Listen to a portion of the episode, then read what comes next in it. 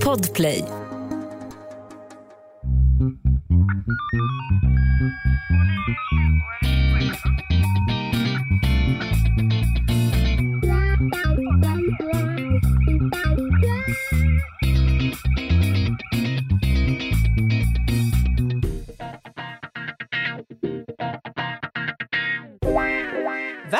Välkomna till krimpoddarnas krimpodd Över min döda kropp med mig, Anna Jinghede och...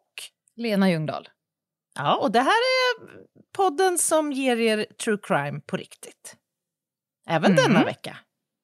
Även denna, och denna vecka testade vi på någonting nytt. Märkte du det ens? Nej, vad, vad var det vi Nej. gjorde? Vi gick ju igenom alla våra krämpor innan vi tryckte på inspelningsknappen. Det känns Det fräscht. är liksom, ja, då kanske tänker så här, mår de bra idag? Nej, vi mår precis som vanligt, bara det att vi körde det innan vi tryckte på knappen. Ja, jäklar. Tänk vad, vad intressant ändå. Tänk om det sitter lyssnare där ute som alltså förväntar sig en vecko-exposé Mm. av krämporna. Ja. De, de Mm. gör vi besvikna den här veckan. Absolut, för att här är det ett prima kött. ja, Ja. det är det. Indeed. Och den här veckan, det är en ny vecka, lite olika saker som jag bara vill säga, för att du kommer hålla låda den här veckan, så att jag tar chansen innan. Jag kommer säga några saker, vi har fått rätt mycket frågor om eh, önskningar om uttalande kring eh, Mats Lövings död. Vi kommer överhuvudtaget inte gå dit. det att låter väl det- vettigt. Helt fel instans. Vi kan bara konstatera att otroligt tragiskt, alltihopa. Det kan vi göra. Eh, I övrigt så kommer vi inte uttala oss om den saken överhuvudtaget. Eh, någonting festligare är att vi har varit på kalas. Mm. Vilket kalas det blev. Jag, ming Åh, jag minglade. vilket party! Ja, det gjorde du. Du, ming du minglade ju Ja. fram till en viss punkt. Eh, och Mm. efter den punkten, då tog det slut. Definitivt slut, så att säga. Nu kommer jag inte mingla mer. Hej då! Det är, nästan, det är nästan så jag skrattar åt mig själv. För jag, jag liksom, det är som att du har gjort mig uppmärksam på mitt beteende, vilket gör att jag ser mig själv lite utifrån. När jag i panik börjar rota i din handväska. Anna, vad är mitt garderobskort? Var är det? Alltså, var är jag kortet? behöver- jag Var är behöver en luv. läppstift, plånbok, telefon? Var är mitt kort? Var är, mitt, är det här mitt kort? Är det här, ska, har du, hade du 1349 eller hade jag 1410? Eller? Ja, det är korrekt. Jag, blir, jag, för, jag morfar into Fred Flintstone och så vill jag göra en sån här flintastart. Jag börjar snurra på stället, sen bara fum! Ja, jag, var väldigt, väldigt nöjd med min sorti. Ja, det ska du vara. Den var Mm. abrupt. Och definitiv. Ja, det var den. Och jag, men jag lärde också känna en otroligt härlig eh, kvinna som satt bredvid mig till bordet. Författaren Britta Röstlund. Vi har också mejlat. Jag är Nej. lite bjuden till Paris, typ. Va? Vad har Ja. detta? Berätta. Vad, vad vill hon? Nej, men vi hade- vad är hon vill Nej, åt? så vi hade bara en jävligt trevlig middag. Eh, där vi pratade mycket om skrivrutiner. Eftersom hon har då författat i 23 år tänker jag, du har ju kommit på något. Alltså hur får du en rutin i det hela? Så hon Ah. berättade om sin rutin och sådär. Och så berättade hon om vad hon skriver om och sådär. Så mejlade jag och mejlade hon och så konstaterade hon liksom att kom till Paris. Aha, hon ska Kul. bli din nya skrivbästis nu. Eller? Jaha. Ja, jag Ja, ska ja. börja skriva liksom härliga franska romaner om Montmartre. Det är mitt nya. Jag känner att jag är Ja. otroligt nära Ja, men gör det. Åk till Paris Ja. och skriv lite. Det, det Jag tror jag kommer mycket hellre till, till Örebro. Sveriges framstjärt på eller mellangård. Scandic Västhaga. Ja. Ja, Okej. Hur det än är så var det ju otroligt pampigt och fantastiskt fint. Det måste man ändå säga. Det är ju inte så ofta man får möjlighet att gå på en sån baluns. Och det är ju härligt ändå. Nej, vi konstaterar ju båda två sågar på våra sociala medier. Alltså, första gången eh, jag var i, och skred ner för, för eh, den feta trappan där i, i Blå Mm. Harlem var ju... eh, För mig var det när jag blev polis. Mm. Eh, och sen har man ju varit där en herrans massa gånger för, av olika... Man, kan, man har tittat på folk, man har... Mm. Jag har jobbat väldigt många gånger eh, med personskydd och så vidare. Men nu var man liksom balunsig Mm. igen. Och då tänkte jag så här, nästa gång kanske du och jag står där Eh, Dear Royal Highnesses, uh, uh, member of the Nobel Prize jury. är det fysik vi tar den i nästa det, gång? Det torde väl rimligen vara i litteratur då, eller? Mhm, ja, du tänker så. Jag tror att det är närmare till fredspriset, tror jag. litteratur. Men, ja. ja, det är samma här i och för sig. Apropå fredspriset, Anna, jag är förbannad. Oj. Så jag, jag kommer göra en lite av en kupp nu. Därför att eh, egentligen så är det ju absolut inte veckans rövhatt, utan det, du kommer ju komma med en lista i slutet på avsnittet, eller? Ja, ja, ja, jajamän. Men jag är så arg så att jag kan inte vänta till nästa vecka, så jag kommer ta en rövhatt här och nu. Men kära gistanes, ut med det. Ja. Jag känner att, att det är liksom en boll som har kastats upp och jag behöver slå lite på den. Och då undrar jag, så, Anna, vet du vad en snippa är? Ja, men, snälla. Oh, ska vi gå dit? Hashtag, lite. jag vet vad en snippa är. Ja, alltså lite. Och, Men och då ska alltså, vi inte, eftersom vi är vår podd och en folkbildning, vi ska inte gå ner i just det caset. Men låt mig bara få Mm. Folkbilda lite i liksom juridiska. Varför det, det har gått så in i Mm. helvetes dåligt. Ja, men gärna. Jag tar ett par minuter här nu. Och, och det, är, alltså, det som har hänt är ju då att det är en man som är dömd i tingsrätten för våldtäkt mot barn i två fall. Mm. Han blev dömd till tre års fängelse. Det är en man som är eh, f- 50 plus som har haft fingrarna innanför trosan och i ett, ett barns eh, snippa. Mm. Det, det har hänt. Detta överkla- och det, då blir han ju dömd i tingsrätten och i tingsrätten så sitter ju en ordförande, då det är en utbildad juristdomare och så finns det tre nämndemän som är politiskt Mm, tillsatta. mm. Det här har vi pratat om i ett avsnitt som heter All Rise. Yes. Stämmer bra. Mm. Överklagat till hovrätten. Där blir han friad. Och nu, om ni inte är he- helt bara bott under eh, ett durkslag senaste veckan, då har ni ju sett på sociala medier att folk är arga, med all rätt. Ja. Och det är inte bara, det, jag skulle säga att det inte bara är, är personen på gatan som är känslomässigt arg, utan det är varenda jävla juridiskt bevandrad person Mm. står lite med och, och ser ut som en fågelholk. Så här, va? Ja, men Alltså- det här är ju, det är ju kraftigt förtroendereducerande för svenskt domstolsväsende. Det får man väl ändå Mm, säga. det är en, en skamfläck. Mm. Och, och då tänkte jag så här, nej men då har jag följt det här och, och då ställer man sig lite frågor, hur fan kunde det bli så här? Så varför, varför är han frikänd? Eh, därför att de säger att han har begått brott, men han blir ändå frikänd. Det är därför det liksom... Det, det överklagas i alla fall till hovrätten. Och i hovrätten, då ska ni komma ihåg att då är det tre juristdomare. Alltså tre kunniga, juridiskt bevandrade personer och två nämndemän. De är fem till antalet. Alla ville fria den här eh, mannen, utom en. Det var den enda som var kvinna. Jag bara nämner det, så som en, en, en passus i det här. Och medelåldern på de som eh, eh, satt då som eh, eh, jury, vad vill säga, de som sitter liksom, som är rätten i det här fallet. Mm. Snittåldern är eh, närmare 70 år på Just dem. det. Mm. Mm. Det, det, det kanske kan spela med, tänker jag. Mm. Och varför friades han då? Jo, krasst så hade ju åklagaren yrkat på brottet våldtäkt mot barn. Det är där åtalet gäller. Våldtäkt mot barn. Det, det är ju, eftersom ni har lyssnat på då 300 avsnitt i den här podden så vet ju ni att varje brott har liksom en gärningsbeskrivning och x antal rekvisit som måste täckas. Och hovrätten anser alltså inte att det är styrkt. Och är det inte styrkt, det är inte bevisat, te- rekvisiten inte är täckta och så vidare, då döms man inte i svenskt rättsväsende. Och då ett litet utdrag ur domen, då säger de så här. Det bevisade handlandet kan inte sägas vara av sådan karaktär att det utgör sexuella handlingar som med hänsyn till kränkningens allvar är jämförliga med samlag. Åtalet eh, för våldtäkt mot barn kan därmed inte vinna bifall.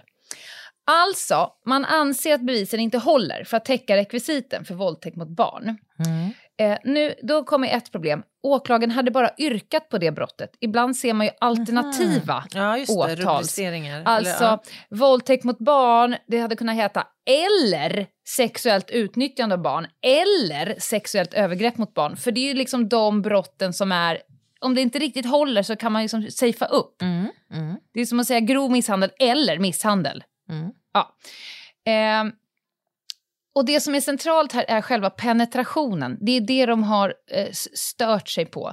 Mm. För att, och då måste vi se då, vad säger gärningen våldtäkt mot barn? Brottsbalkens sjätte kapitel, där hittar ni alla sexualbrotten. Paragraf 4. Den står så här. Den som har samlag med en person under 15 år, hon var 10, eller genomför en handling som kan likställas med samlag, gör sig skyldig till våldtäkt mot barn. Och likställas med samlag innefattar, det är därför de är så eh, eh, noga med att huruvida det har skett en penetration eller inte. Har han eller har han inte varit inne i själva slidan, i vulvan, alltså där inne? Mm.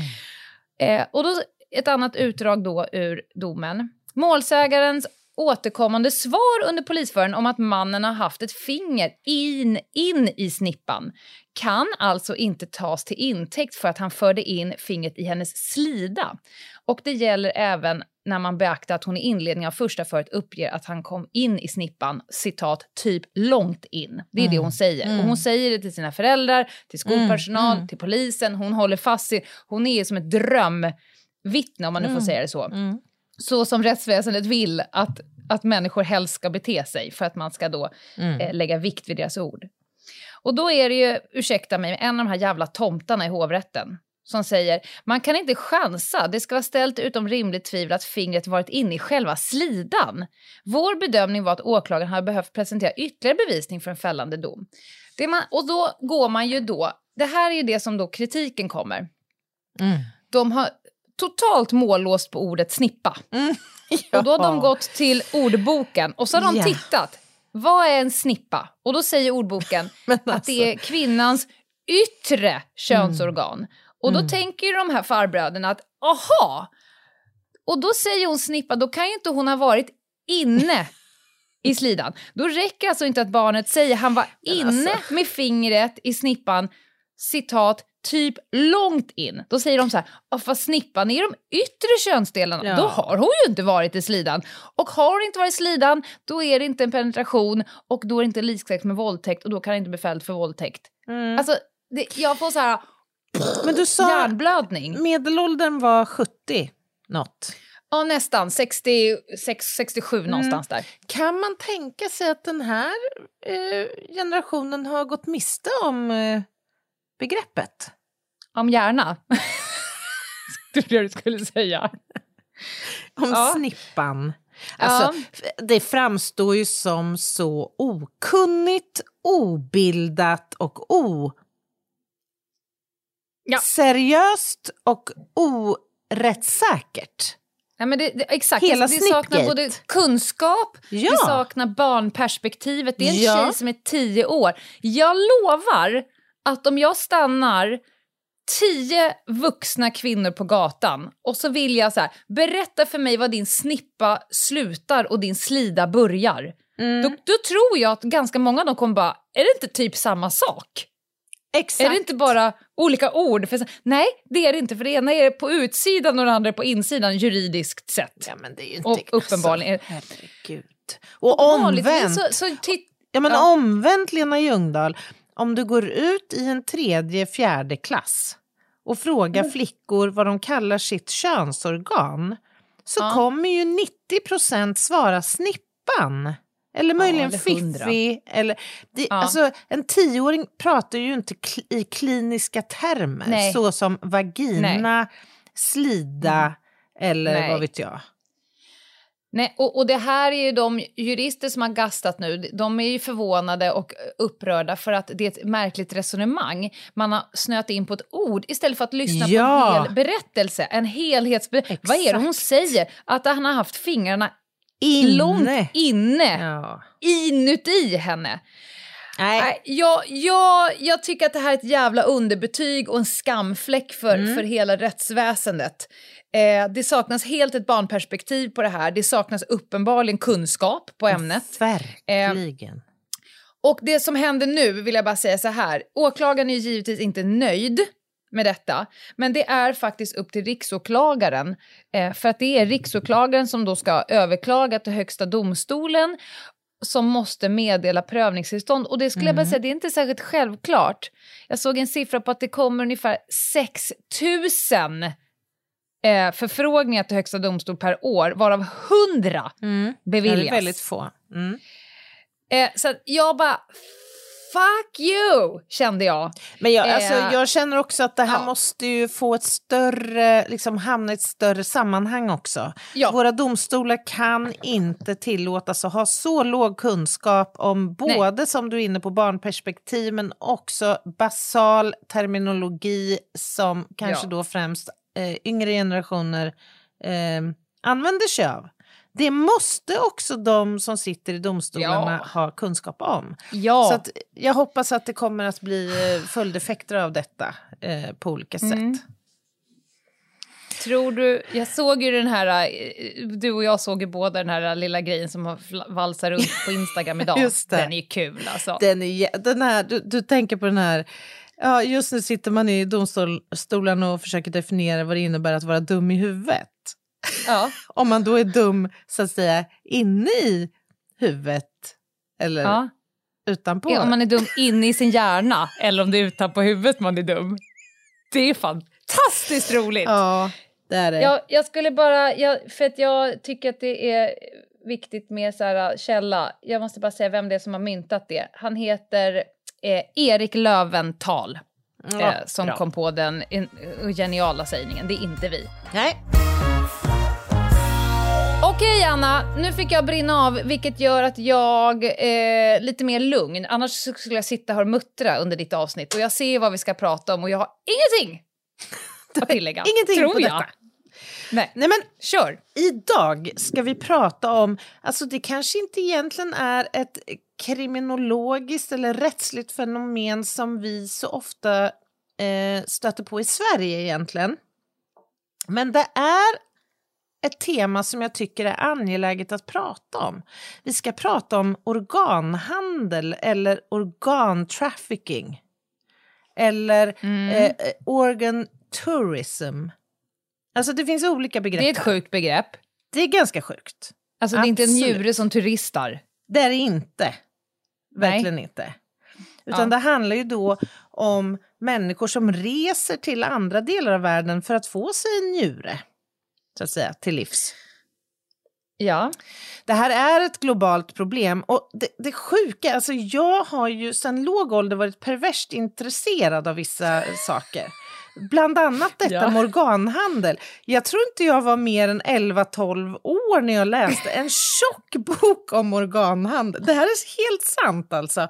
Och jag tyckte, ja, jag tyckte det var så intressant hur det här kan förekomma. Det har liksom förekommit i så många år, i så många delar av världen. Gud, så när, Ja. när vi andra satt och läs, läste de här eh, stora A3-böckerna, Så funkar det, om hur man kram. bygger en transist... Ja, nej, men när man bygger... Hur funkar det, liksom, hur man bygger en transistorradio? Då satt du och läste på om organhandel. Ja, men det sjuka är att min son är ju lika pervers han. Han, han lånar ju, alltså när de andra lånar då Hur funkar det böckerna? Nej, då kommer han hem en bok, häromdagen, en bok om Stalin. Det kan. Alltså, Ja. Ja. ja, men det, det är något med det där. Eh, och Ja. det här med organhandel tycker jag är intressant på flera plan. Vi som sagt nås inte ofta om nyheter kring det här såklart. Även om våra eh, kära eh, kollegor och vänner som ägnar sig åt transplantationsmedicin naturligtvis har koll på eh, detta. Mm. Det här är ju någonting som uppkommer när eh, det finns en efterfrågan då på eh, organ, friska njurar, levrar och annat. Och att den, när den efterfrågan eh, är större än vad det finns eh, legalt donerade organ. Och det här drabbar, eller sker även svenska eh, medborgare, alltså som, som står kanske i donationskö för en njure och som väljer att resa till ett annat land för att köpa tänkte och få en njure. Ja, men jag tänkte precis säga det, alltså uppsåtet måste ju på något sätt komma från en enorm desperation för att få bli frisk. Alltså man kan ju förstå varför någon desperat ger sig ut i världen för att försöka få tag på en njure om ens partner, eh, morsa eller barn håller på att dör. Alltså man förstår ju varför, varför Ja. handeln... Självklart, alltså det ligger ju mycket Mm. i potten här. Eh, och jag Mm. läste en eh, siffra häromdagen vad gäller njurtransplantationer. Eh, 2008 så transplanterades det drygt 400 njurar, 419, men endast Mhm. 136 av dem kom från levande donatorer. Och övriga då 280 något eh, fallen kom från en avliden donator. Och det här innebär ju då att den som står i kö och väntar på att få en njure, alltså rent krasst måste vänta Mm. på att nå- någon måste dö för att man ska kunna få ett organ som är eh, lämpligt. Så redan här kanske vi ska slänga upp en eh, uppmaning och uppmuntran att anmäla er eh, för donationsmöjligheter. Och jag vet inte vad som gäller för levande donationer, men jag utgår från att om du är i behov av en njure så kommer du ju fråga dina nära och kära i första Ja. hand. Tänker jag. Men jag tror inte det finns något register för det. Vi kanske ska förtydliga att vår bok Någon måste dö inte handlar om organdonation. Det gör den inte. Det gör den Nej. inte. WHO har eh, också eh, engagerat sig i frågan kring organhandel och de uppskattar att någonstans mellan 5 och 10 procent av alla njur och levertransplantationer under år 2007, det var de sista siffrorna jag hittade, skedde med illegalt tillvaratagna organ. Och vi kommer gå in Mm. lite grann på definitioner av detta med organhandel, vad det innebär för någonting. Eh, men här kommer då en liten exposé, en historisk tillbakablick kring detta med organhandel. Alltså före 2000-talet så var detta med organhandel begränsat eh, till stor del till Sydostasien och Indien. Och mottagare av organ var vanligen inte från Sverige utan från eh, asiatiska länder framför allt. Men också EU och USA rapporterade om enstaka, alltså mer så här anekdotiska beskrivningar om enstaka individer som hade rest ut för att få eh, njurar framför allt. Sen händer då någonting runt millennieskiftet och då verkar alltså organhandeln ha fått ett större fäste och liksom spridit sig eh, mer eh, runt jorden och i fler länder. Och idag så har det fått fäste bland annat i Latinamerika, i Nordafrika och i andra delar av, vär- av världen. Och de gemensamma faktorerna här är ju faktorer som alltså främjar trafficking, alltså ekonomisk instabilitet, fattigdom och så vidare. Eh, Jag läste faktiskt en eh, artikel i Läkartidningen som jag nu kommer citera. Ett exempel på hur detta kan gå till. Och då stod så här. Den kinesiska fången förs till avrättningsplatsen, skjuts till döds, omedelbart tas kroppen om hand, värdefulla organ opereras ut för att vidarebefordras till ett sjukhus där köparen väntar. Vårdkedjan är väl förberedd. Fången är redan blodtestad och vävnadstypad. Alltså man måste ju då försäkra sig om att organen från en Mm. individ passar en mottagare. Läkare assisterar vid ingreppen och ofta finns det då en känd mottagare. Och det här är ett scenario som låter skrämmande och läskigt tror jag för de allra flesta. Men det är alltså någonting som sker mer eller mindre rutinmässigt och som drabbar massor med människor som är dödsdömda i, i Kina. Och eh, en uppgift då i samma artikel från 2007 det var att eh, det året så gjordes 11 000 transplantationer i eh, Kina, varav då ett stort antal kommer alltså från dessa fångar som är dödsdömda. Ja, då tänker man då, nu, jag, jag försöker tänka. Då tänker Mm. man alltså så här, "Åh, här har en fånge, du är ändå dömd till döden. Hur ska vi utnyttja din kropp på Ja, bästa sätt? Ja nej men alltså. Det, ja, det är- det är, det är hårt. Ja, det är hårt och det är ju så många liksom, inspel här känner jag. Det är ju etiska frågor inte minst. Man undrar ju Mm. om de här dödsdömda fångarna överhuvudtaget haft något val i frågan. Ja, alltså, skulle man vara superduper duper krass och pragmatisk och eh, någon form av har ett cirkul cirkulärt tänk så kan man ju gå i fällan och tycka fan det är väl bra om de ändå ska Mm. dö. Då kan man lika gärna rädda livet på någon. Alltså man kan utnyttja deras eh, väsen, de är uppenbarligen dödsdömda, till eh, liksom Mm. eh, ge tillbaka. Eh, någon så. Men jag tror att det skulle kunna smyga sig in ett par tankar så här.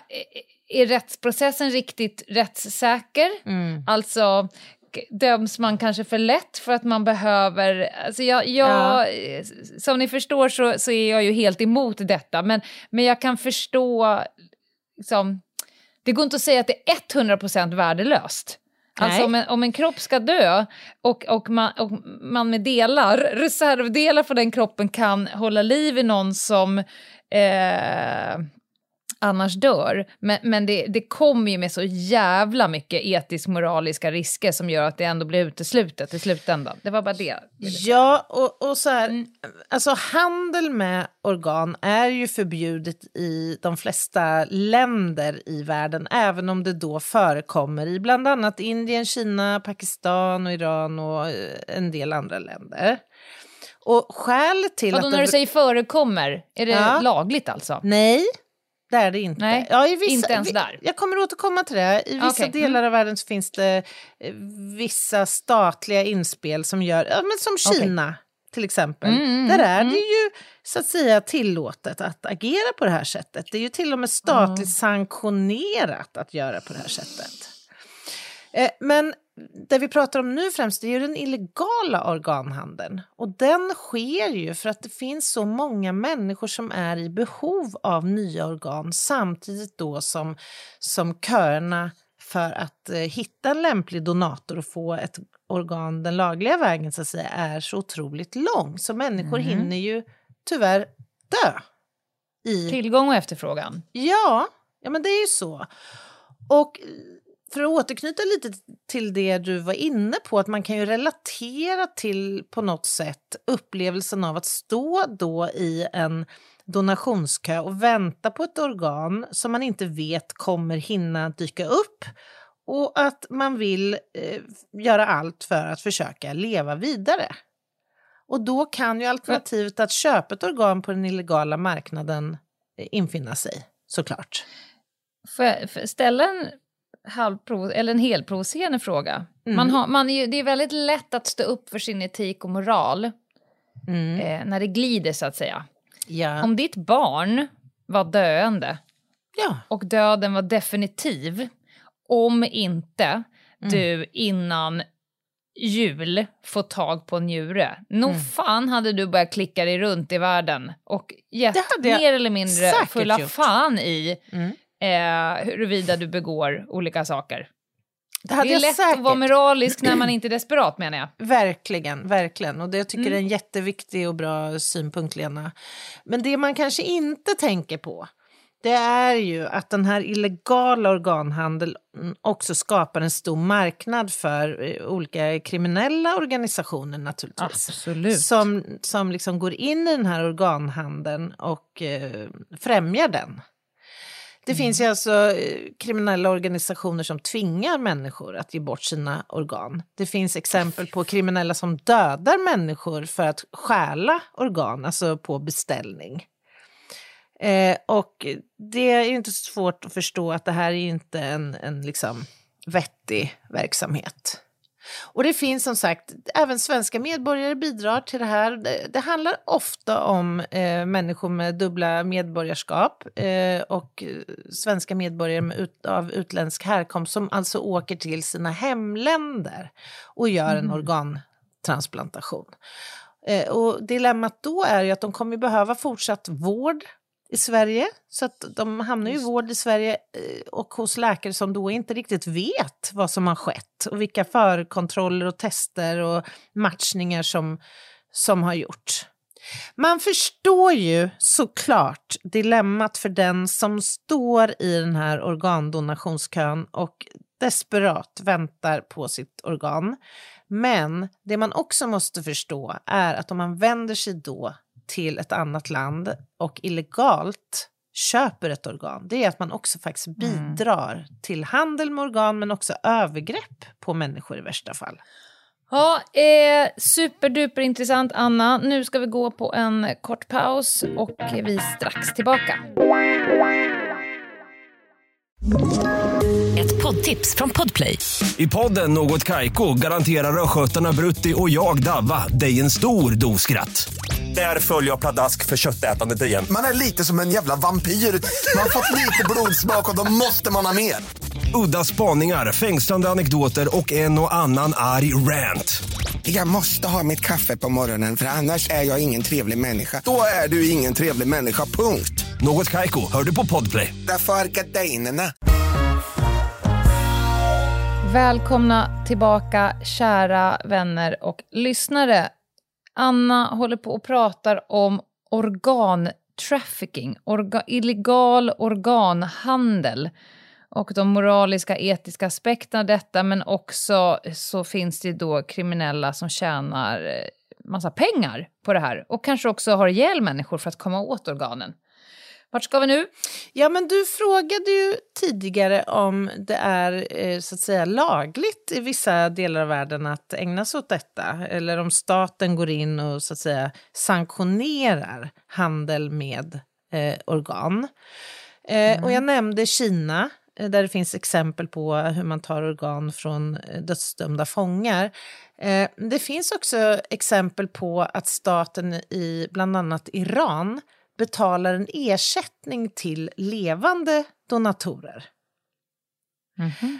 Och det är klart att det här förespråkas av vissa för det gör ju att man får fram så att säga fler organ. Men incitamentet att liksom utsätta sig för ett faktiskt ganska omfattande medicinskt ingrepp som dessutom ofta lockar människor i fattigdom.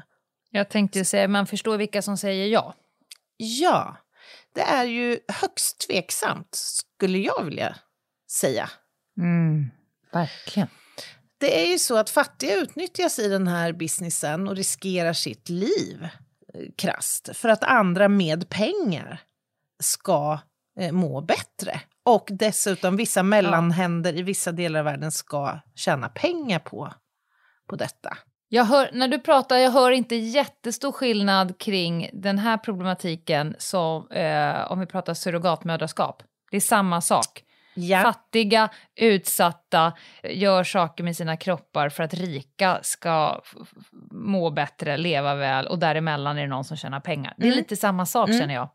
Ja, jag, jag håller helt med. Även om man kan förstå mottagaren, vad den vill. Man kan förstå det, men man kanske inte he hela vägen förstår vad, det, vad man bidrar till. Precis som du sa. Nej, men precis, I ett större sammanhang så får det ju konsekvenser och effekter som inte gynnar någon egentligen. Ja.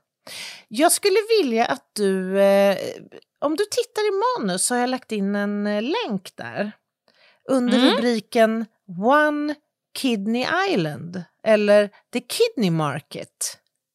Ja. Så jag har lagt in en, en uh, länk till uh, The Daily Mail, en artikel. Yes. Mm. Om du går in på den där länken och scrollar ner, har du fått upp artikeln? En sekund, jag måste klippa och klistra lite grann. Och det kan ni andra också göra. Googla The Desperate Men of One Kidney Island. Mm, det här handlar det här. alltså om transplantationsturism och eh, ett litet eh, gettoområde, får man nog ändå kalla det, i Filippinerna. Om du, om du scrollar ner på sidan så ser mm. du en mm. bild på en ja, massa unga män. Mm, ser du att de har... Ja, Precis. de lyfter sina armar, eh, de lyfter sina tröjor och så lyfter de upp armarna och alla har ett ganska massivt R som går från eh, nedre delen av ländryggen och fram eh, mot höftkammen. Just det. Bra mm. beskrivet, Lena. Och det är alltså resultatet av att ha donerat eller sålt då, i det här fallet, en njure. Det här är ju då unga eh, pojkar och män som har erbjudits betalning för att sälja ett organ. Och i den här artikeln så omnämns summan 1000 pund, vilket ju är otroligt mycket pengar i en mm. miljö där människor tjänar i regel kanske en dollar om dagen, alltså ett pund om dagen. Mm. Att då få möjligheten att tjäna tusen pund, vilket är massor med pengar att försörja en familj och syskon och mamma och pappa och så vidare med så kan man förstå att ett incitament finns att ställa upp på det här. Och, jag förlåt, fastnar. Mm. Alltså, kid, kidney Island, kidney... Det, mm. Fy fan, det är krasst alltså. Det är hårt det här. Det är otroligt hårt. Och att det kallas så här, det beror ju på att just i den här miljön i Filippinerna så är det otroligt många som har ställt upp på detta för att mm. då få en, en viss summa pengar. Och man kan tänka att vadå, det är väl ingen big deal, man kan ju klara sig med en njure. Jo, men det är så mycket mer i detta. Alltså, mm. För det första så, så ska du få en medicinsk vård, du ska ju se till så att den här njuren kan passa en, en mottagare. Att göra ett ingrepp då du plockar ut en njure är ju inte riskfritt. Eh, så du vill ju gärna att det här ska ske liksom lege artis, alltså det transplantationsmedicinska ingreppet ska ju ske enligt konstens alla regler att, för att mm. tillförsäkra att du får en god eftervård och allt det här. Så att, ja, men alltså, det här är ju verkligen, eh, tycker jag, det smakar eh, illa. Illa. Jag, jag, jag, bara, jag, jag bläddrar ner lite. Här är en mm. kille som då har sålt en kidney en, för 100 000 pesos, eller 1145 pund, jättemycket pengar, till en japansk man. My house had just burned down in a fire. Mm. There was nothing left. Uh, I have five kids and was desperate to ja. rebuild the place. I really needed the money. Och så var det liksom, det här var det enda jag hade att sälja. Alltså, mm. Fy fan! Man när man börjar sälja sina egna... Mm. Ja, men alltså att börja så här, du vet, man tittar sig runt omkring, vad har jag att sälja? Bara, att börja titta på sin egen kropp. Så mm. Vilka delar av min kropp kan jag avvara? Mm. Eh, man känner sig ju i där vi bor och hur vi bor och hur vi har det. Mm. Otroligt ödmjuk mm. inför det faktum att man återigen... Eh, liksom, det, det, är min starkaste så här, varje dag. Vilken jävla eh, vinstlott vi har dragit. Verkligen. Och inte gjort ett jävla skit för att förtjäna det heller. utan det bara råkade bli så. Ja. Aj, att jag inte behöver sälja mina njurar för att kunna mata mina barn. Liksom. Mm. Ja. Nej, jag håller helt och fullt med dig, Lena. Och jag, skulle bara, jag tänkte jag skulle nämna några olika typer av då organhandel eller organtrafficking. Det handlar ju om kriminella handlingar som då syftar till alltså att kommersialisera organ och vävnader. Eh, mm. Och det kan ske på olika sätt. Bland annat då trafficking av människor med syfte att avlägsna deras organ. Alltså människohandel i syfte att plocka organ från mm. dem för att sälja. Det innefattar också transplantationsturism, där alltså då sjuka människor reser utomlands för att försöka hitta då ett illegalt transplantat och betala en donator. Där ska sägas att den summa som donatorn får är i sammanhanget extremt liten i normala mm. fall. Och Det kan också handla om handel med organ, vävnader och celler som har avlägsnats från levande eller döda människor. Så organhandel kan ta lite olika eh, uttryck men ske då i kriminella syften. Men det mm. finns en del, eh, och det är ju ändå positivt, konventioner här och viss lagstiftning.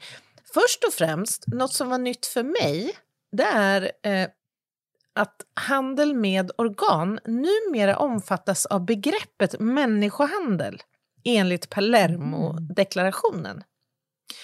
Eh, och Palermo-deklarationen definierar så att säga globalt vad människohandel är. Och där tas organhandel upp som ett exempel. Mm. Och det tycker jag känns eh, vettigt och rimligt naturligtvis.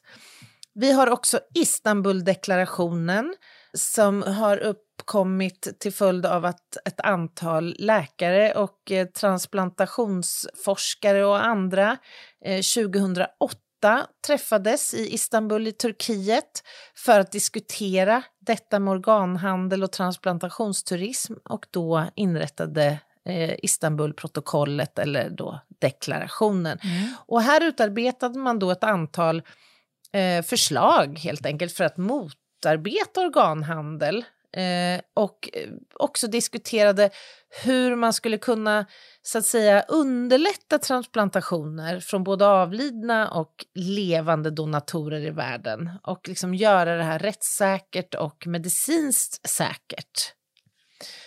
Däremot så eh, Alltså lagen kring organhandel har ändrats i, i flera länder, bland annat faktiskt i Filippinerna som vi just eh, diskuterade. Men den är fortfarande för, vad ska man säga, för oreglerad eller outtömmande så att kriminella nätverk hittar ofta liksom sätt att ändå kringgå det här. Så att det är fortfarande ett globalt problem även om det har hänt ganska mycket i liksom regleringen här. EU-rätten har också klivit in på eh, området och där har vi den så kallade Santiago-konventionen eller Europarådets konvention mot handel med mänskliga organ. Så här är vi nu på Europanivå och har fått ytterligare en konvention med olika syften och eh, bland, där det viktigaste är att förebygga, förhindra och bekämpa handel med mänskliga organ genom att då bestämma eh, vilka gärningar som ska straffbeläggas. Och då gäller ju att alla länder som ansluter sig till konventionen också så att säga ratificerar den och inför förändringar i gällande lagstiftning i det aktuella landet. Och då kan man säga att för jag älskar när du pratar så här, Anna. Gör du det? L, L, ja, det kände jag. Du, du det här, jag nu kanske är ensam om det. Ja, jag kanske är ensam om det, men jag bara... Mm, mm, mm, mm. Ja. Mer, mer, mer protokoll. mer juridiskt mer skitspråk. Ja. ja, men då, då tycker jag att vi bör säga att Sverige har undertecknat protokollet men vi har inte ratificerat det. Det vill säga att vi behöver ha ett bemyndigande eller ett godkännande av regeringen så att vi också kan ändra lite i våra lagar. Eh, och det rör ju då eh, straffrättsliga aspekter på det här med organhandel. Och det har gjorts åtskilliga... Ett litet instick ja. där bara. Mm om jag får. Ja. Eh, när, när, man, när, man gör, när det kommer liksom, eh, saker internationellt som då ska in i Sverige och man undertecknar olika sådana saker, då kan ju de gå i stick i stäv. Alltså det måste glida. Det kan de göra. För det, det får inte gå emot och, och därför tar det en jävla massa tid för att det blir lite så här uh, ringar på vattnet. Okej, nu ska vi få in det här och då måste vi ändra här och pilla lite här och skruva lite där. Och man skruvar inte på lagar bara sådär, det tar tid. Ja, dels det och sen så kanske så säga kavaschen blir lite för stor.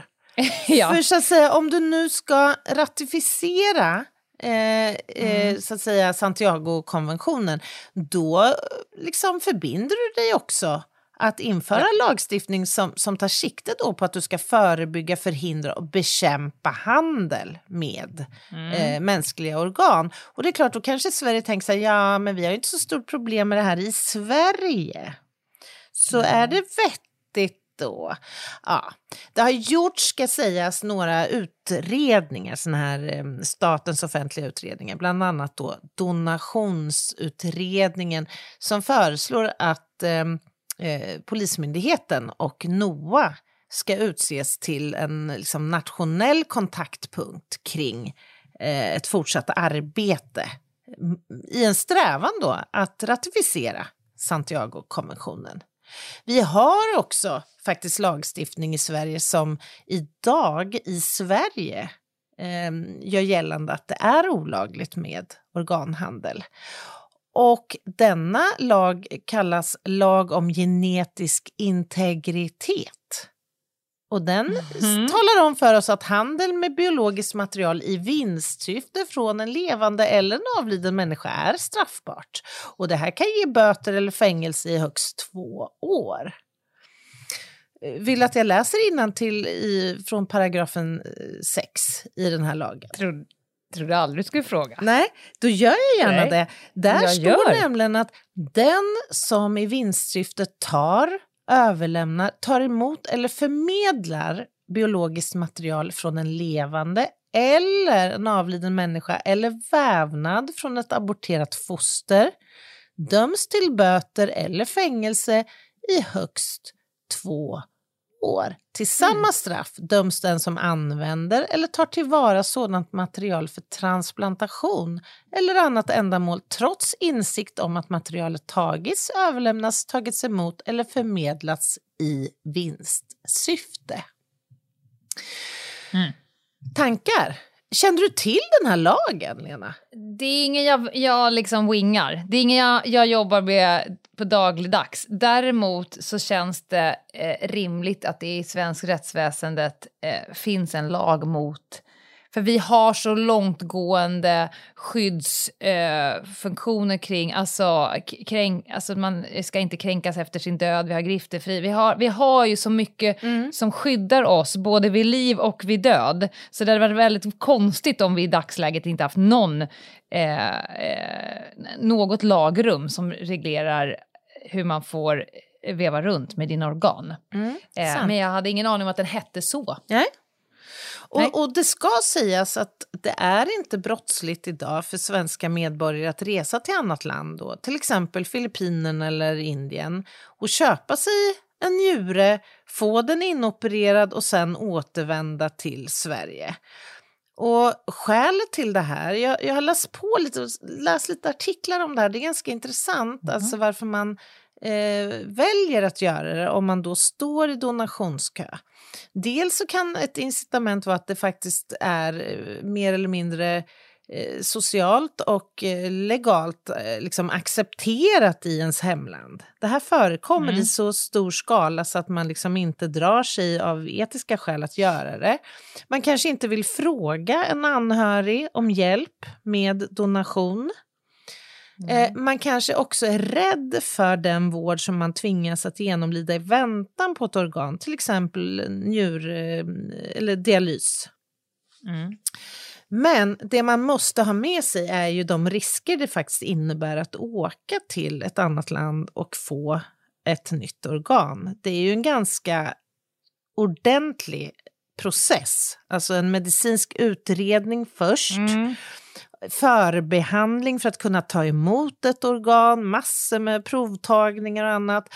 Du måste testa organet så att det inte är liksom smittat med virus, eh, hiv eller hepatit eller malaria eller eh, tumörsjukdomar. Eller, alltså du vill ju inte ta emot ett organ heller som är sjukt på något sätt. Gud, det, här måste, te- det här måste vara definitionen av risky business. Ja men verkligen. Och man kan också tänka sig att om man väljer att köpa ett organ från någon som bor i den här eh, kidney, vad heter det, kidney, One Kidney Island. Att Ja. det kanske inte är individer som har fått, liksom, haft möjlighet att få sjukvård i livet. De, de är kanske redan i grunden sjuka, helt enkelt. Och det måste du ta i beaktande när du tar emot ett sånt organ. Förstå och gå runt och känna sig vid liv, att vara vid liv och inte, eh, jag blir såklart filosofisk, men och inte, alltså att ha en djur i min kropp som, som skapar liv för mig, ett fortsatt liv, Mm. Vilket jävla behov jag skulle veta, eh, ha av att veta att den som blev av med njuren inte har blivit mördad, lurad, såld, slaktad. Ja! Alltså fy fan vad man hade behövt lägga timmar på psykologer eh, om man inte visste att det till 100% hade gått rätt till. Verkligen. Ja. Verkligen. Men, men det sorgliga i det här är ju att, att många, eh, eller många av de som från Sverige söker sig till andra länder för att köpa ett organ gör ju det på grund av att annars är ju risken ändå eh, potentiell att du faktiskt dör i org, eh, organdonationskön. Och varje år så är det ungefär 30 personer som dör i väntan på organ. Ah, Fy fan vad deppigt. Ja. Ja, jag vet. Eh, och det ska också sägas att av de mellan 90 och 100 000 ungefär människor i Sverige som dör varje år så är det många som är potentiella organdonatorer men som inte har anmält sig till donationsregistret och där man då inte kan ta deras organ för att hjälpa andra. Och ofta handlar det om att anhöriga inte är bekanta med inställningen hos den som avlidit. Man har inte pratat om det här innan döden. Om de vet, men, men personen själv inte anmält sig, kan de anhöriga säga då? Absolut. Ja. Kör. Mm. Alltså, de anhöriga har ett veto, kan man säga. Alltså det är den, ja. den avlidnes inställning till donation, alltså den inställning som har funnits under livstiden som är avgörande egentligen för om organ får tas tillvara för transplantation eller inte. Och det här kan man ju meddela då till donationsregistret eller på ett eh, donationskort eller man kan ha pratat med sina eh, närstående. Och alla de här möjligheterna gills så att säga. Och man kan ju också ändra sig. Man kan ju tycka först tidigt i livet att man vill göra det här och sen inte vill och då är det det som, som gäller så att säga. Fråga. Ja? Du som är i branschen. Jag, jag säger att du har i alla fall varit i den medicinska branschen. Ja, det har jag varit. Ja. Jag tror har absolut inget belägg för, men jag gissar att det finns i alla fall ett par personer där ute som är lite tveksamma till att anmäla sig. Jag tror att det kan vara en av bromsarna. De, den, den vanligaste tror jag att man inte ens vet om det, mm. eller att man bara inte har gjort det. Mm. Jag tror att en broms är kanske om jag anmäler mig till donationsregistret, mm. absolut, plocka reservdelar bäst ni vill när jag är död. Jag har mm. ingen nytta av dem då. Men har en farhåga att om jag gör det och blir jättesjuk, alltså ligger i respirator, eh, inte vet jag, något så. Är det så att de så att säga drar pluggen lite snabbare nej, nej, och inte nej, anstränger sig lika hårt för mig? Jag Abs tror att det finns de som tänker så. Ja, och, och det är ju När de ser så här, du... åh, åh, Lena är med i donationsregistret. Mm. Ska, vi, ska, vi inte, ska vi inte kalla det... Nej, nej, ska vi inte dra liksom ridå nu? Nej, så är det definitivt inte. Ja, Rätt, rätten till liv eh, liksom finns ända in i döden. Det är mm. två helt olika saker. Däremot så är det ju en fördel om man har kommunicerat det här med sina anhöriga innan och särskilt om man är terminalt sjuk, alltså att man vet att man ska dö. Mm. Så är det väl jättebra om man faktiskt har gjort det. Så att det underlättar mm. inte bara för anhöriga utan faktiskt också för den som står och, i kö och väntar på till exempel en njure eller en lever. Eller vad det nu kan vara. Får läkaren så... fråga? Förlåt att jag ställer så mm. mycket frågor nu. Jag vet att har mer information men jag fastnar lite här. ja. Får läkaren fråga? Ja, Berit, du är ju terminalt sjuk nu. Eh, du har, låt säga, för det läkare kan vara lite krassa, vi vet inte, men vi skulle gissa mellan två veckor och fyra månader. Mm. Hur har du med tankar på donation? Ja, det... Får läkaren ställa frågor? Ja, alltså, nu killgissar jag lite, men jag kan inte se varför man inte skulle få ställa den frågan. Om man mm. nu för ett samtal om döden, där ja. liksom livets svåraste frågor avhandlas, hur vill du mm. ha det? När stunden närmar sig? Vill du att vi ska... Ja, ja men alltså, det är klart att, att eh, jag, jag inbillar mig att frågan kommer att ställas då. Och, mm. och, och om inte annat så till, till anhöriga. Anhöriga. Mm. Ja. Nu får du fortsätta. Ja, och, och vi ska runda av temat här, men jag skulle vilja eh, avrunda det med att uppmana alla er som inte har tagit ställning eh, att faktiskt göra det om ni kan tänka er att donera era organ eh, när ni inte längre lever och i så fall anmäla er till donationsregistret. Vi ska säga att det är ungefär två miljoner i eh, Sverige som är anmälda till donationsregistret och siffran ökar. Så det verkar som att det är en trend i Sverige att vi liksom blir mer positivt inställda till att donera våra organ mm. när vi inte längre lever. Men det är också väldigt många som inte har tagit ställning och som inte har pratat med sina anhöriga och inte har anmält sig till donationsregistret. Fundera på det och gör slag i saken om ni vill eller inte vill.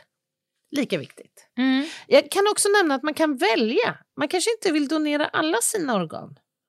Det kan, har man också Mhm. rätt att faktiskt ha en synpunkt kring. Mhm.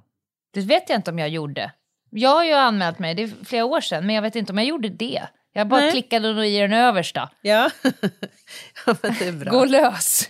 Ja. Lös det bara. Ta vad ni, ta vad ni vill ha Ja. från den här gamla, från den här gamla P- kroppen. kan ni- PS, ni kan skita i vänsterbenet, det kommer inte göra någon lycklig. Nej, precis. ja, jag skulle vilja tipsa om ett, en bok som heter Organ till salu som Susanne Lundin har skrivit. Den är väldigt bra. Om ni vill läsa mer om fenomenet eh, organhandel alltså. Superintressant, Anna. Eh, vi ska snart gå på paus. Jag ska bara säga, lämna oss inte, för efter pausen så kommer Anna köra eh, en jätte, jätteviktig lista. Så vi är strax tillbaka. Poddtips från Podplay. I fallen jag aldrig glömmer djupdyker Hasse Aro i arbetet bakom några av Sveriges mest uppseendeväckande brottsutredningar. Går vi in med hemlig telefonavlyssning och, och då upplever vi att vi får en total förändring av hans beteende. Vad är det som händer nu? Vem är det som läcker? Och så säger han att jag är kriminell, jag har varit kriminell i hela mitt liv men att mörda ett barn, där går min gräns. Nya säsongen av Fallen jag aldrig glömmer på Podplay. Välkomna tillbaka igen, kära lyssnare. Och nu har vi helt stängt eh, lådan för den här veckan gällande krimpoddarnas krimpodd och vår folkbildning för eder eh, lyssning. Eh, för vi har ju som eh, tradition att vi avslutar eh, varje poddavsnitt väldigt långt ifrån temat. Och varannan vecka är det Anna som listar någonting och varannan vecka är det jag som eh, levererar en rövhatt. Och det, nu fuskade jag ju lite den här veckan så det Ja, det blev en bonus. Men innan du ska få komma in och göra den så vill jag bara säga att eh, vill ni oss någonting, vi nås eh, lättast på Instagram, Ljungdahl och Ginghede heter vi där. Man kan skicka DM. Man kan också mejla oss på hej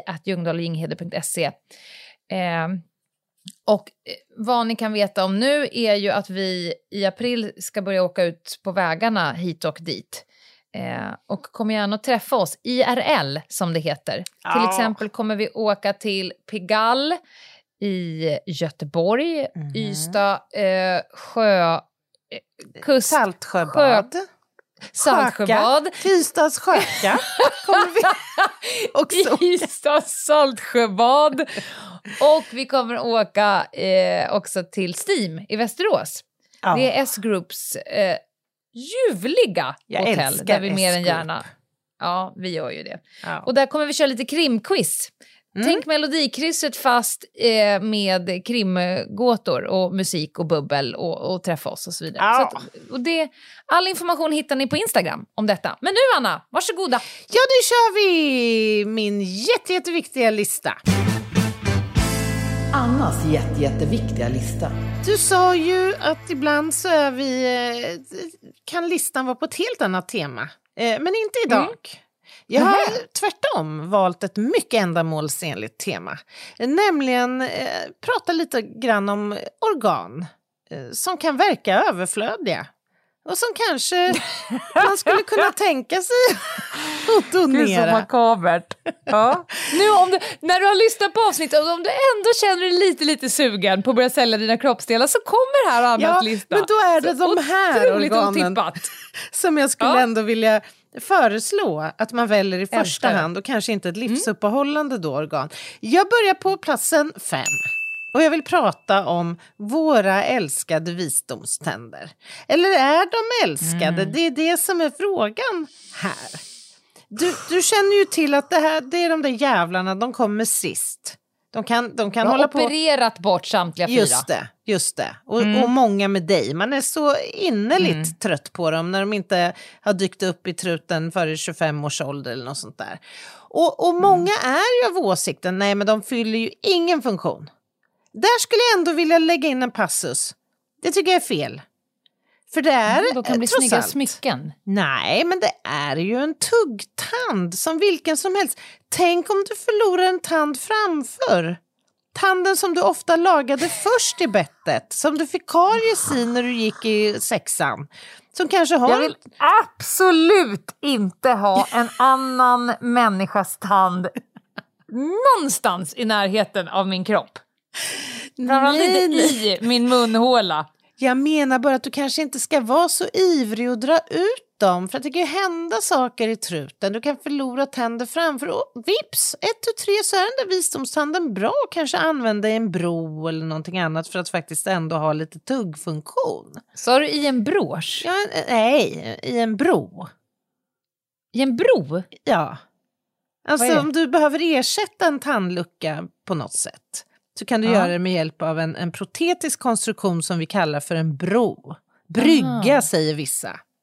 Mm, okej. Sen ska det ju sägas, det är ju inte alla som får de här anlagen. Alla får inte visdomständerna och en del får anlagen men de vill inte bryta fram och sådär.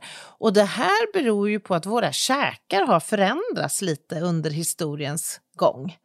Alltså, idag har vi inte behov av de här kraftiga, långa käkarna för att liksom greppa tag om vårt byte och slita det i stycken. När folk lever på smoothie. Exakt. Och det har Ja. gjort att evolutionärt så har käkarna också förkortats och blivit lite mer gracila och då finns det inte alltid plats för råttorna, alltså visdomständerna. Så är det med den Varför saken. heter de visdomständer? Ja, det får du fråga någon annan. Du kallar dem ju liksom 3, 7 och klysalt. Eller något. 3-8 då möjligen. Ja, och 3-8. kolossalt. Ja. Ja. Okej, plats nummer fyra. Låt mig prata eh, lite kort om handflatans långa muskel. Palmaris, palmaris longus. Det är alltså Ja. en, en tunn, väldigt Det låter ett påhittat namn. Det är Nej. påhittat namn. Det Nej, låter nej, som Jesper. Rönn, Röndahl har hittat på. Ja, Det där det, namnet. det ska jag inte låta, det ska jag låta vara osagt. Ja, Men det är okej. det namn jag har lärt mig i alla fall. Mm. Vi pratar alltså om en väldigt, väldigt ytlig eh, skelettmuskel. Och den här sitter då på underarmens insida. Eh, och eh, ska vi göra ett litet ex experiment? Om du lägger ner underarmen på, på skrivbordet framför dig Mm. med då insidan liksom uppåt. Och så för Mm. du tummen mot lillfingret och pressar ihop. Mm. Ser du då ett litet stråk av eh, palmaris eh, longus nere vid eh, handleden? Alltså en liten som en sena som Ja. sticker upp. Mm. Gör det? Ja. Ja, ja, ja, men det är bra. Då tillhör du ändå gruppen som får den här lilla rackaren, för det är inte alla som får palmaris longus. Och det beror på att vi inte vet riktigt vad den fyller för funktion idag. Vi ska ha den till. Jag, jag är en ganska meningslös person alltså. Det, det ska jag låta vara osagt. Jag har ju själv den, så att då är vi väl i så Ja, fall i okej. samma liga. Ja. Nej, men så här, man tror att vi fick den här lilla muskeln då som övergår en sena nere vid handleden för att vi skulle kunna greppa tag bättre och klättra bra. Så där. Men vi ska ju samtidigt nota bene komma ihåg att vi började trots allt gå på fötter för ungefär tre miljoner år sedan. Och då kan man ju kraftigt kanske ifrågasätta varför vi skulle behöva ha den här eh, lilla muskeln. Och dessutom så har man gjort experiment på det här och konstaterat att styrkan i, i greppet och i hand, eh, handen, den är lika stark med som utan palmaris longus. Mhm. Och dessutom så saknas den hos ett antal eh, människor. Så den är helt onödig. Den kan du få donera Den bort. ryker. Den ryker. Får jag, tu, får jag tusen pund? Hörde jag tusen pund? Hörde jag tusen Första, pund? andra, tredje. Palmaris longus? Palma... Ja, Ja. vem vet? Ja, absolut. Longus Island ska jag flytta Longus till. Mm. Island. Plats nummer tre. Låt oss prata lite om Darwins knöl. Har du noterat att på ytterörat hos vissa så finns det som en liten utbuktning, som en liten Mm. Som en knöl? vårta. Ja, Mm. eller mer som en, som en knöl kanske jag skulle Mm. bes beskriva det. Eh, och, och det, här, det är samma fenomen här som eh, med muskeln vi pratade om, att alla har inte den här lilla eh, knölen. Och det kanske, eller mest sannolikt, beror på att den fyller ingen som helst funktion för oss. Man... Gud vad folk springer till spegeln nu och tittar. Ja, jag älskar det. Man tror ja. att den här lilla knölen har hjälpt oss att styra örat. Alltså att rotera det, att böja det, att vinkla det. Eh, och, eller sloka eh, ytterörat. Kanske mm. för att vi ska kunna fokusera mot ett visst ljud i syfte att upptäcka en fiende, att liksom styra hörseln mot en viss punkt. Men idag kan vi ju så fint röra vår mm, eh, vet det, halskotpelare, vår nacke. Vi är inte i samma behov idag att kunna röra och vifta med öronen som vi var en gång för länge, länge sedan.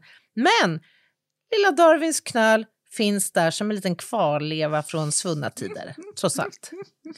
Är de som har den lilla knölen bättre på att vifta med öronen? Du, jag vet inte, men jag har också det tänkt vore... tanken för att vissa kan ju faktiskt vifta med öronen. Jag kan inte göra det. Jag kan ju det, men jag har det? inte en sån knöl. Ja, ja, ja. Gud, Nej, men ja. Då har du lite så arikulära eh, muskler säkert kvar, muskelfiber ja. kvar. Och det är samma sak med dem. Det är fullt obegripligt varför vi Fast skulle de musklerna behöva... som används för nu viftar jag på öronen, de sitter, det jag känner rör sig, det är ju liksom i, långt upp i kinderna framför öronen. det är, ma det är musculus masseter. Ja, jag vet inte. Ja, ja, men men mm. låt mig då på punkten nummer två få prata om en annan liten spännande muskeltyp. Nu skulle mm. jag vilja prata om arrector pili-musklerna. Är de bekanta mm. för dig?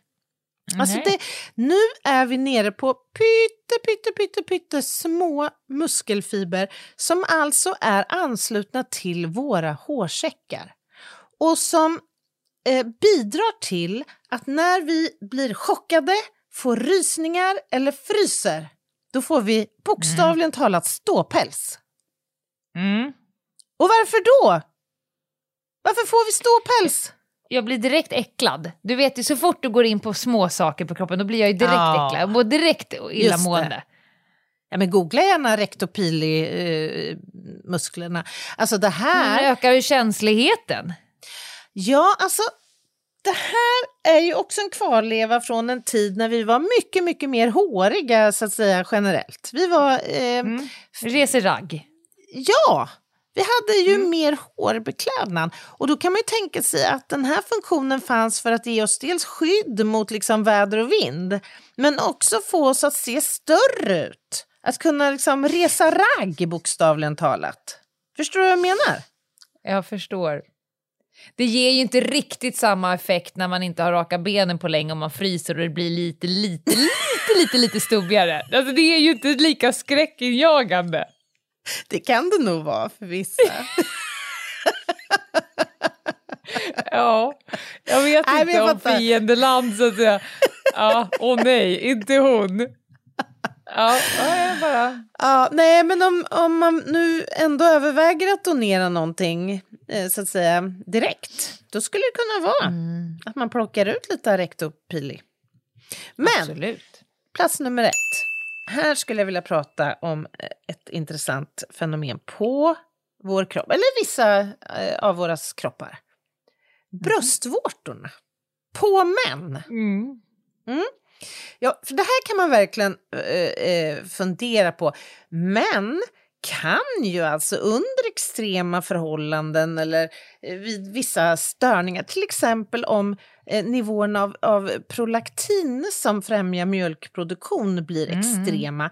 Eller för den delen vid viss typ av intag av eh, högdos hjärtmedicin, till exempel Digoxin, då kan ju alltså män laktera.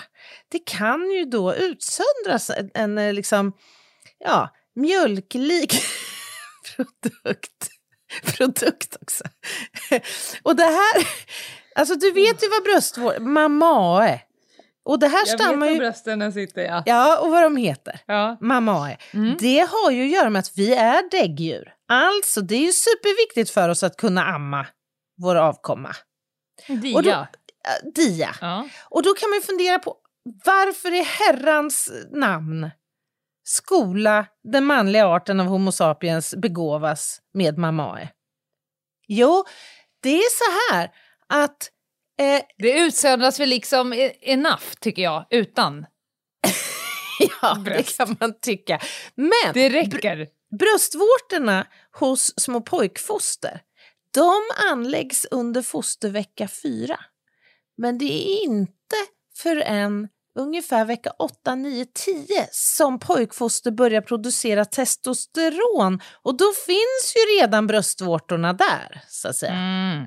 Mm. Men alltså jag tänker så här, kan det fyller de möjligen en estetisk funktion? Skulle det kunna vara besvärande om de saknades, så att säga, helt?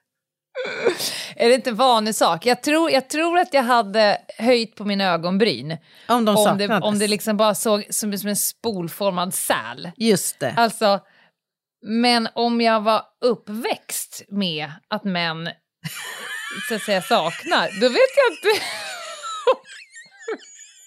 jag, jag är inte säker på att jag kommer reagera nämnvärt då. Det är som de har ju inga på ryggen. Jag är... om jag skulle vara upp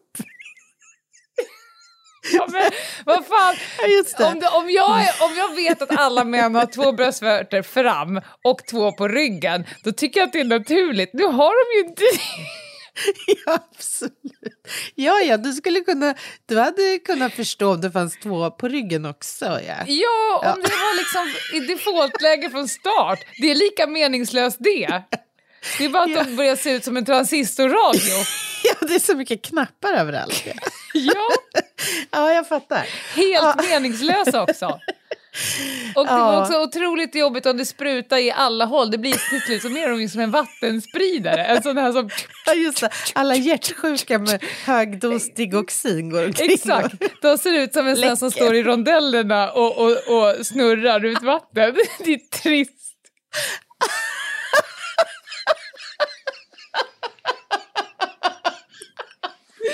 Jävla syn! Åh, oh, vilken syn! Åh, oh, Gud vad besvärande! Gunnar, Gunnar! Det börjar bli torva här i Sicklarondellen. Kan vi köra ner Gunnar i mitten? Åh, oh, jag... Vad stökigt också att ha liksom en kran fram och en bak så att säga. ja. Liksom... Tänk också om de är erogena allihopa. Vilket jävla stök! Nej men det tycker jag skulle vara bra. Det, då blir man ju inte så Va? begränsad. Du, alltså... men va, har du ett problem med att männen är för lite Nej, jag kåta? säger inte att det är ett problem. Jag säger att då skulle man från alla vinklar oh. så att säga kunna hitta en. Det är ju inte... Jaha, här pling! Ja, här har vi en nu. Ska inte sträcka sig menar du? Men tänk ändå, oh. lek med tanken Lena, att, att vi alla skulle ha fått bröstvårtorna någon annanstans på kroppen. jag, menar, alltså, jag tänker, ja, ja. knävecken, alltså, kan det vara något? Ja, för alltså som kvinna, om man tänker liksom motoriskt, då är det jävligt rimligt att de sitter ja, någonstans mellan armarna. För du ska praktiskt. hålla i ett barn och den ska äta samtidigt. Eh, men männens tycker jag, där kan vi nästan köra ut en liten undersökning. Vilka roliga, eftersom de är helt meningslösa de sitter. Axlarna, knävecken, kinderna. Kinderna tycker jag skulle vara spännande. Ja, mm. oh, herregud. Ja. Nej, du, det blev ju långt det här avsnittet också. Ja, det blir ju ofta det. Men det, det svider ju så lite det där ändå. De har ju som så att säga stoppknapp på sina apparater. Ja, ja, ja. ja. ja. Nej, men hörni, eh, oh. ta hand om er. Eh, och jag, jag, tycker ni ska gå in och läsa på lite om donationsregistret och fundera lite grann på hur ni ställer er till dels att donera era organ när ni inte längre finns i livet, men också kanske att ni skulle fundera på hur ställer jag mig till eh, det här som eh, behövande av ett organ? Kanske förändrar det ens inställning mm. lite? Om man också sätter sig in i den potentiella eh, risken. Nu snärjde du dem, Anna. Den är svår att värja sig mot, den grejen. Den är svår. Jag vill Absolut. inte ge, men jag vill jättegärna ha. Ja. Nog är jag mätt, men en korv. tackar, tackar tackar. Tackar, tackar. Hörni, ta hand om er. Vi hörs nästa vecka. Det gör vi. Bye. Bye, bye.